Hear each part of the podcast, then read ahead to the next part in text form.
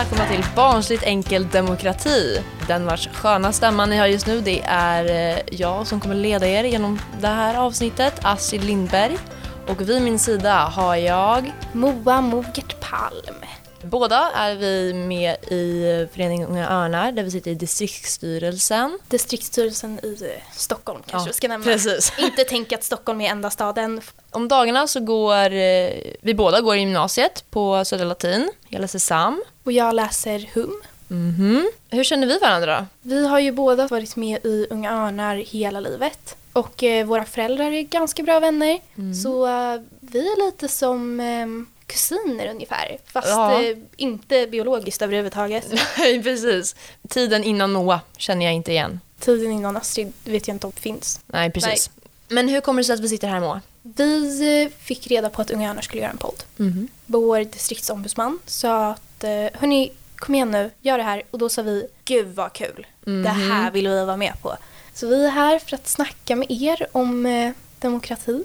Lite sådana skojiga grejer. Mhm. Och inte bara om demokrati, utan vi är här för att snacka om barnsligt enkel demokrati.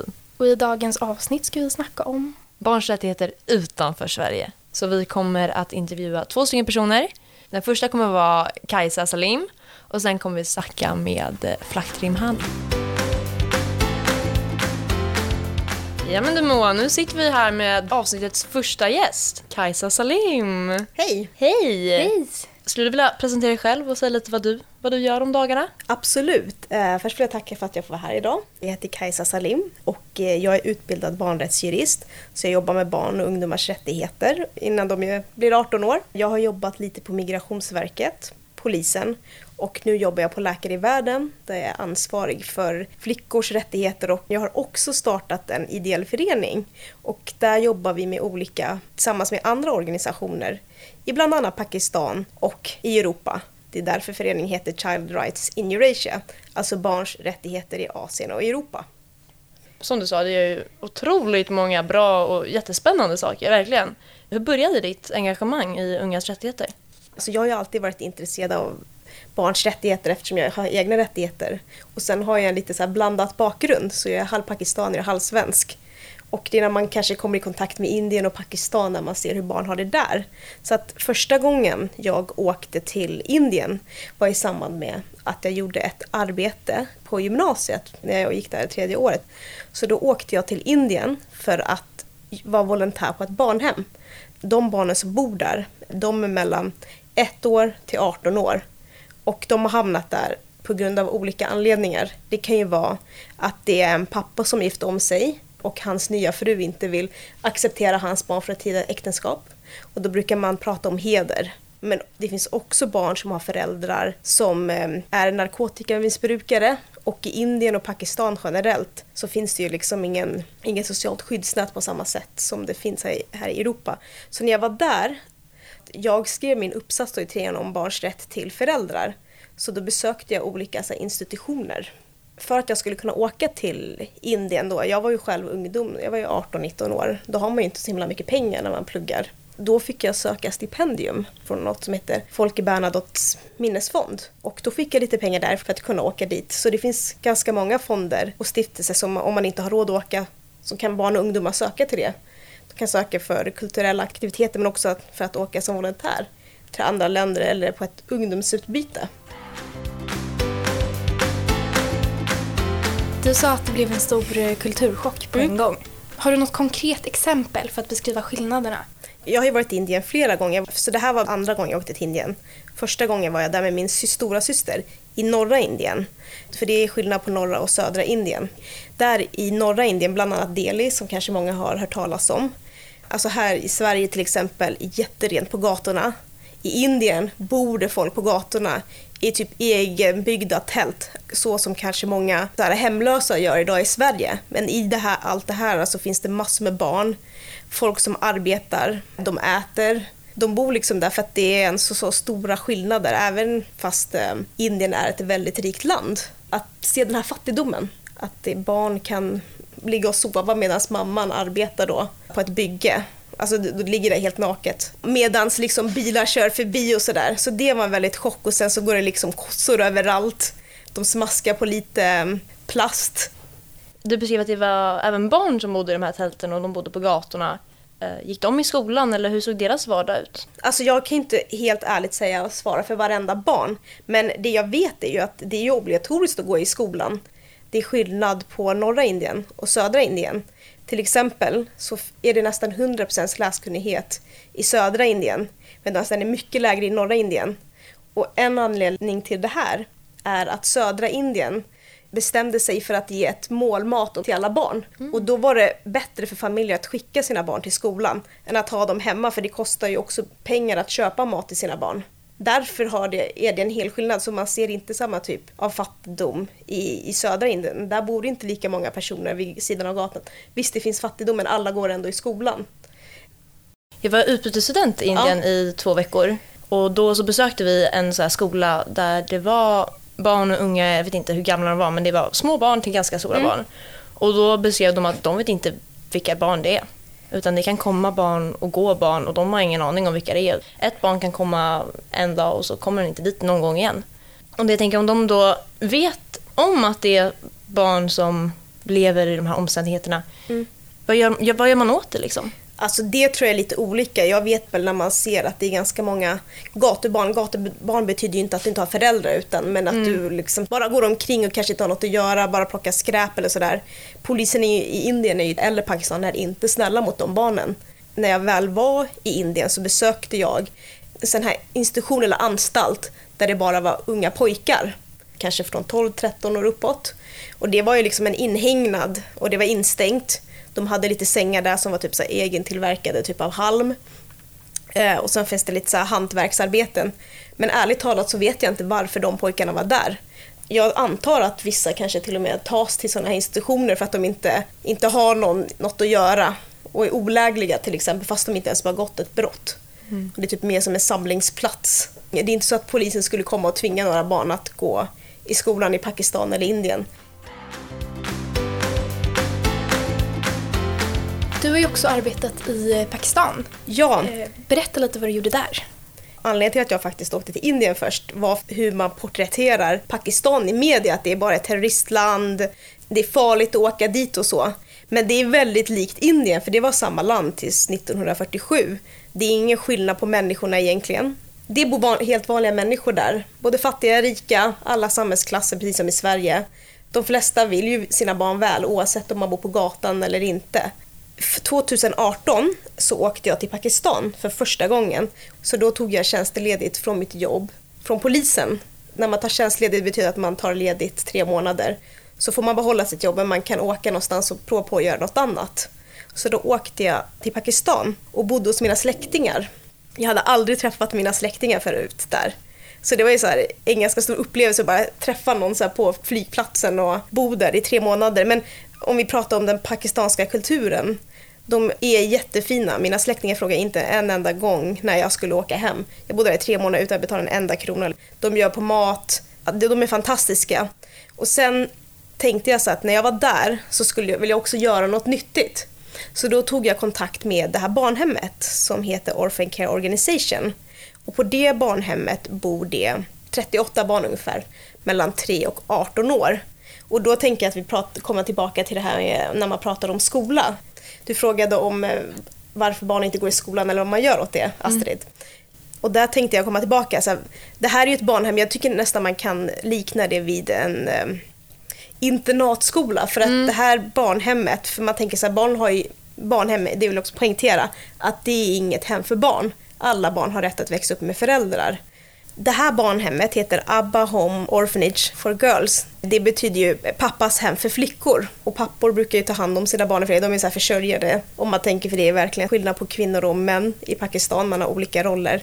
Man tänker oftast att kvinnor ska vara hemma, föda barn jag har ett fall där det var en tjej som hade en mamma som var utbildad sjuksköterska men det var ändå bättre för den mamman att tigga på gatan och få pengar. Och samtidigt när mamma lämnade hemmet, då var ju flickan som kanske var 13 tvungen att vara hemma med sin lilla syster som var 6 år när hon kom till det här barnhemmet kunde inte hon läsa och skriva. Och hon var ju ungefär 15, så att, men hennes nivå, alltså skolnivå, den årskursen, hon som började var typ årskurs 3. De här barnen får en chans att ta igen den skolgång de inte har fått innan. Så många barnen som bor där är äldre men går bara i ettan, tvåan och trean fast de är 14-15 år. Och målet är ju att de ska gå ut årskurs 9. För när de har gått ut årskurs 9 så kan de återvända till sin familj eller sina föräldrar och hjälpa dem att bygga upp ett bra samhälle. Och man adopterar absolut inte bort de här barnen.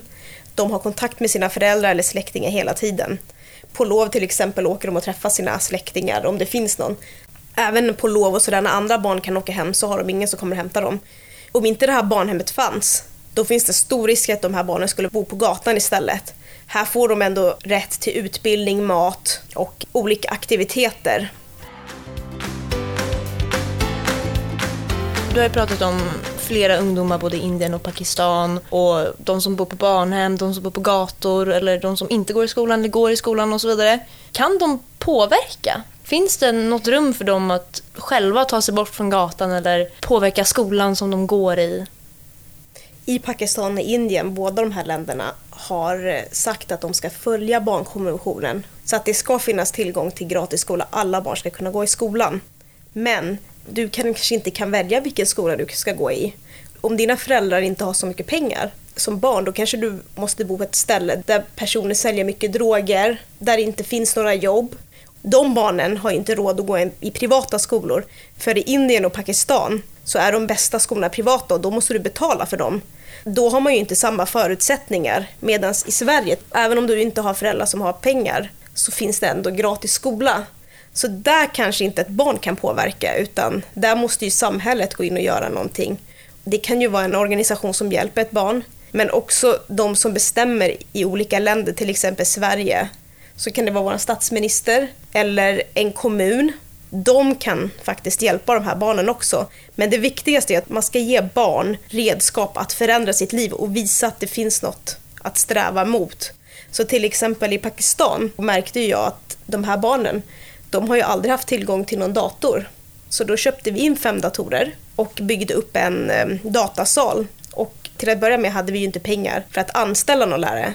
Så då var jag där nere och jag kan ju också urdu för annars hade inte jag åkt ner för det är inte någon mening om man inte kan kommunicera med barn.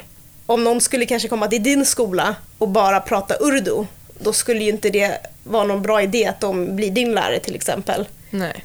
Så till en början så lärde jag ut hur sätter man på en dator, vad har datorn för delar, sen hade vi lite prov.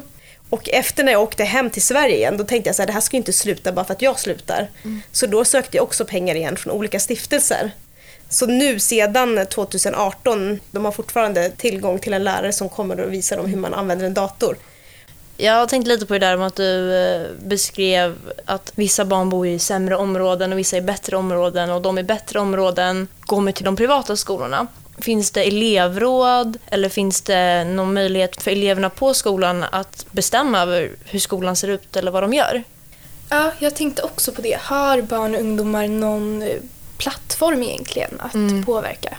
Nej, inte på samma sätt som i Sverige. Så det finns till exempel inget elevråd. Det finns i princip inte något som heter demokrati där barn bestämmer. Vuxna ska lyssna på vuxna. De får inte ifrågasätta. De får inte fråga varför en eh, lärare säger så här. I Pakistan, när man lär sig något, då lär man sig bara texten utan till. Man lär sig inte varför. Man ska bara läsa och sen skriva alla svaren.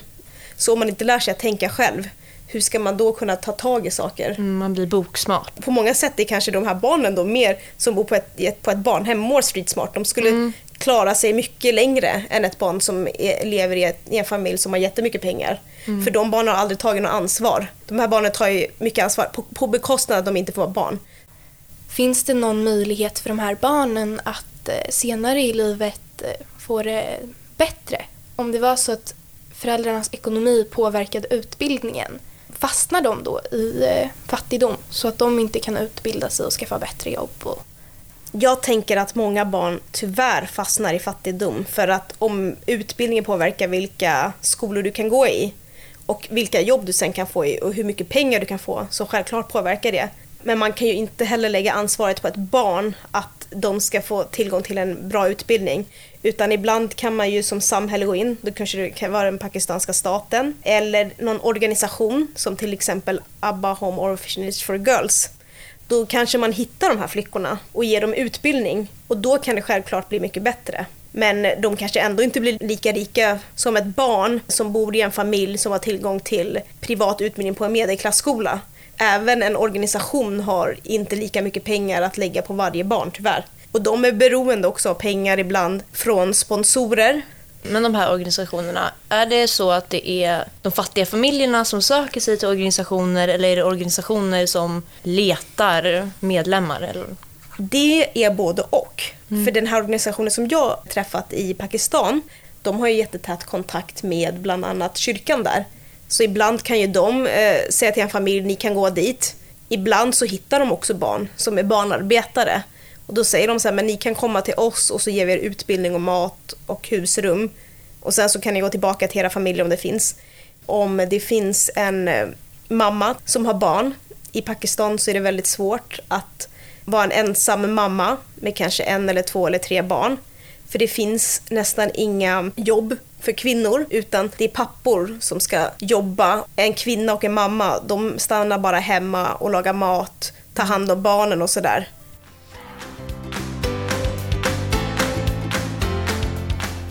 Nu nämnde du väldigt snabbt här om eh, barnarbete. Hur vanligt är det i de här länderna? Det är jättevanligt med barnarbete. Jag kan inte säga hur många barn som barnarbetar, men det är synligt. När du sitter i en bil och står fast i en bilkö, då kommer det hela tiden barn som säljer kanske en penna, godis, istället för att gå i skolan. Sen finns det också barn som tillverkar tegelstenar. Mamma och pappa och deras tre barn, även treåring, femåring och tioåring, sitter tillsammans och tillverkar tegelstenar istället för att sända barn till skolan. Barn som eh, hjälper till i olika butiker är också vanligt. Mm. Ja, för det vet jag att i, eh, i skolan, när vi pratade om eh, barnarbete, så sa de att även i länder där barnarbete är olagligt, där går det oftast att undgå den lagen genom att barnen bara följer med föräldrarna till jobbet och så får mm. föräldrarna lite extra lön för att de har med sig sina barn som också jobbar då. Den grejen har jag faktiskt inte ens tänkt på att det blir att de undgår lagen. Det är ju olagligt att anställa barn i Pakistan. Men även mm. om du skulle gå till polisen och säga det, det är inte något de bryr sig om. Poliserna är ju själva korrupta. Det finns en grupp som jag jättegärna skulle vilja lyfta här. Det är flickor och också unga pojkar, men mestadels flickor mellan kanske 7 och 14 år som jobbar som hushållsbiträden. De tar hand om hela hemmet. Hos medelklassmänniskor så jobbar de olika hem så att en sjuåring kan vara barnvakt åt en treåring och tvätta kläderna för hela familjen, laga mat. Det där är ju också så barnarbete mm. som man inte tänker på. Och där är det faktiskt många av flickornas egna föräldrar som har skickat dem till de här hushållen. Och så får flickan bo där, de har ju inga reglerade tider, eller det finns inga speciella tider, de får arbeta hela tiden. Ofta sover de på en madrass. Vissa av de här flickorna blir också sexuellt utnyttjade i de här hemmen. De blir slagna av både kvinnan och barnen i det hemmet. Så vi behöver inte prata om att det bara är män som slår. Mm. Ibland är det faktiskt kvinnorna som slår sina hushållerskor mycket mer för att det är kvinnorna i hushållet som har ansvar för hushållet så då blir, mm. då blir det liksom hennes ansvar att ta hand om det. Flera flickor, unga flickor har dött. Jag tror det var bara någon vecka sedan någon ung tjej som hade släppt ut fåglar. Det var en liten tjej som jobbade som hembiträde. Hon blev dödad i Pakistan. Så det här är jättevanligt. Hur kommer flickorna dit? Det är föräldrarna som lämnar flickorna. Så att föräldrar som har behov av pengar, det är ju inte självvalt. Jag tror inte att man väljer att ge bort sitt barn någonstans. Men de måste ha mat för dagen. Mm. Om man inte kan ge sitt barn mat, då måste ju barnet också hjälpa till att jobba. Så då lämnar man de här äh, flickorna och sina familjen och så går pengarna direkt till äh, ens mamma och pappa. Jag tycker också att det är lite svårt att föreställa mig vilket läge man måste vara i för att känna att man hellre skickar sitt barn till ett arbete. Hur mycket brist på pengar det måste vara för att man ska tänka att barnet hellre ska arbeta än att skaffa en utbildning. För jag känner att det är väldigt lätt att sitta här och säga att så här, det är smartare att skicka barnen till mm. skolan därför att då kan de få bättre jobb i framtiden. Men samtidigt så kommer det inte finnas familj att hjälpa. Om man inte jobbar och får mat på bordet så kommer man inte ha någon familj att skaffa ett bra arbete åt och få ett bättre jobb. Det är ju ett scenario som, som jag tror att ingen som har växt upp i Sverige någonsin kommer utsättas för så länge de bor kvar i Sverige i alla fall. Får jag lyfta någonting? Jag tänkte bara på Absolut. coronagrejen i Sverige. Mm. Eh, Jag har faktiskt läst att det är flera barn nu som är oroliga för att föräldrarna förlorar sitt jobb. Mm. Att de kanske inte är barn men de är ändå unga så att de kan vara 20 år att de hellre känner att de måste jobba. Mm. För att deras föräldrar har förlorat ett jobb. Och så måste de istället för Mm. att plugga, gå till plugget och plugga på högskolan så, så måste de istället jobba. Så att där finns sådana skillnader också i Sverige. Vi pratade ju lite om, eller vi nämnde snabbt om hur det ser ut i Sverige. Hur kan svenska ungdomar och barn påverka och hjälpa ungdomar och barn utanför Sverige?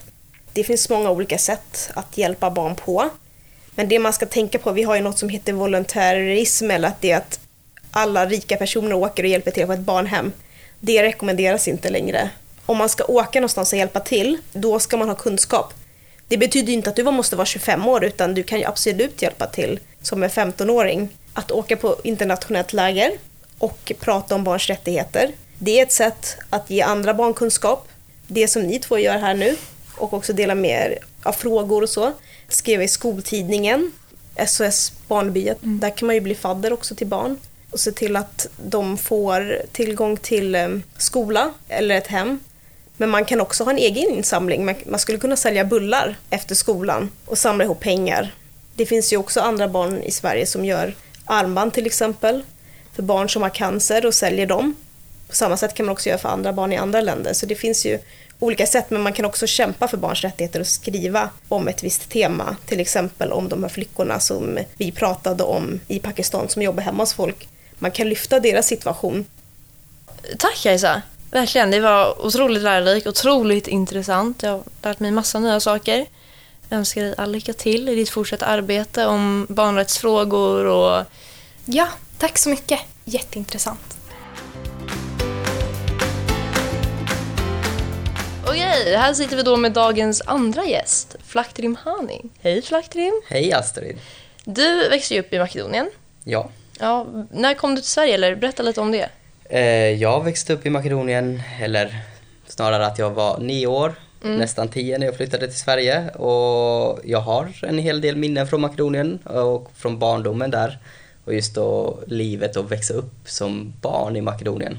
Berätta lite om just minnena, de tidiga minnena från Makedonien. Jag gick ju i skola i Makedonien eh, fram till fjärde klass eh, och började fjärde klass där så det var väldigt spännande att jämföra det med att flytta till Sverige och börja i en skola i Sverige. Har du några specifika minnen från skolan i Makedonien och som går att jämföra lite med svenska skolan? Ja, absolut. I Makedonien är ju skolan lite mer annorlunda än i Sverige. Där är det lite mer att eh, ingen elev får prata, ingen elev får göra någonting utan att fråga läraren om lov. Något specifikt exakt minne som jag kommer ihåg är att när, när vi skulle måla så försökte jag vrida på pappret och vända på det så att det åt andra hållet för att måla andra streck liksom så att det blir rakt. Men då, då fick jag jättemycket skäll för att det får man inte göra. Pappret ska stå helt på bordet och du får inte röra på pappret utan du ska bara måla på det. Eller till exempel när man behöver gå på toa så måste man fråga läraren om lov och läraren kan säga nej det får du inte. När jag kom till Sverige först så var det så här att jag, jag var jätterädd och visste inte riktigt hur jag skulle vara i skolan. Och då räckte jag upp handen jag bara, eh, får jag gå på toa? Och läraren bara, ja ja, du behöver inte fråga, du kan bara gå på toa. Det var verkligen något sånt som jag kände bara, oj, gud det här är någon stor skillnad. Även om det var så en liten skillnad. Mm. Frihetskänsla där. Ja, absolut. Det är den frihetskänsla som egentligen saknas i Makedonien. Och just om man skulle och jämföra de här två så är det väldigt mycket med friheten som begränsas som elev i skolan i Makedonien. Medan här i Sverige har man mer frihet att ja, men till exempel gå på toa när man behöver gå på toa och inte behöva be om lärarens tillåtelse för att gå på toa. Det är en liten sån här maktbalans där läraren alltid ska ha makten och något som inte finns lika mycket i Sverige. Det var helt enkelt lite, lite lättare på reglerna i Sverige. Ja. För vi har ju också den här att man ska räcka upp handen och man kanske inte bara kan ställa sig upp och gå men det, vi har lite lättare tag på reglerna kanske, eller? Ja, absolut. Och eh, där var det så här att ibland så var det att man behövde gå på toa precis efter rasten och nästa rast var om två timmar och då fick man inte gå på toa i två timmar. Ja.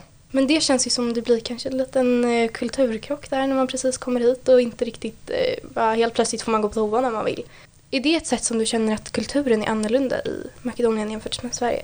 Och just I- synen på barn? Ja, kulturen är ju stor skillnad mellan kulturen mellan Makedonien och eh, Sverige.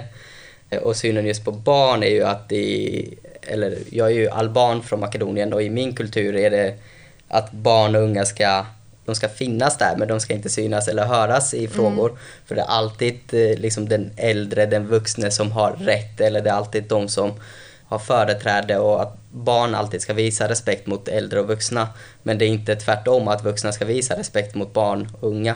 Vilket i Sverige är en stor skillnad för det här försöker man att visa respekt för båda, åt båda hållen. För respekt går ju faktiskt åt båda hållen och inte bara åt ena hållet. Och bara för att man är äldre så behöver det inte innebära att, att man alltid ska få rätt i alla diskussioner och argumentationer. Så det är en stor skillnad skulle jag säga i just eh, hur man behandlar barn och unga i Makedonien eller hur man behandlar barn och unga i Sverige. Vad gjorde du som barn i Makedonien då? Vad var fritidsaktiviteterna? Vad var skolaktiviteterna? När jag var barn där så var, man hade ju inte lika möjligheter. Det fanns inga fotbollsplan som man kunde nyttja hela tiden.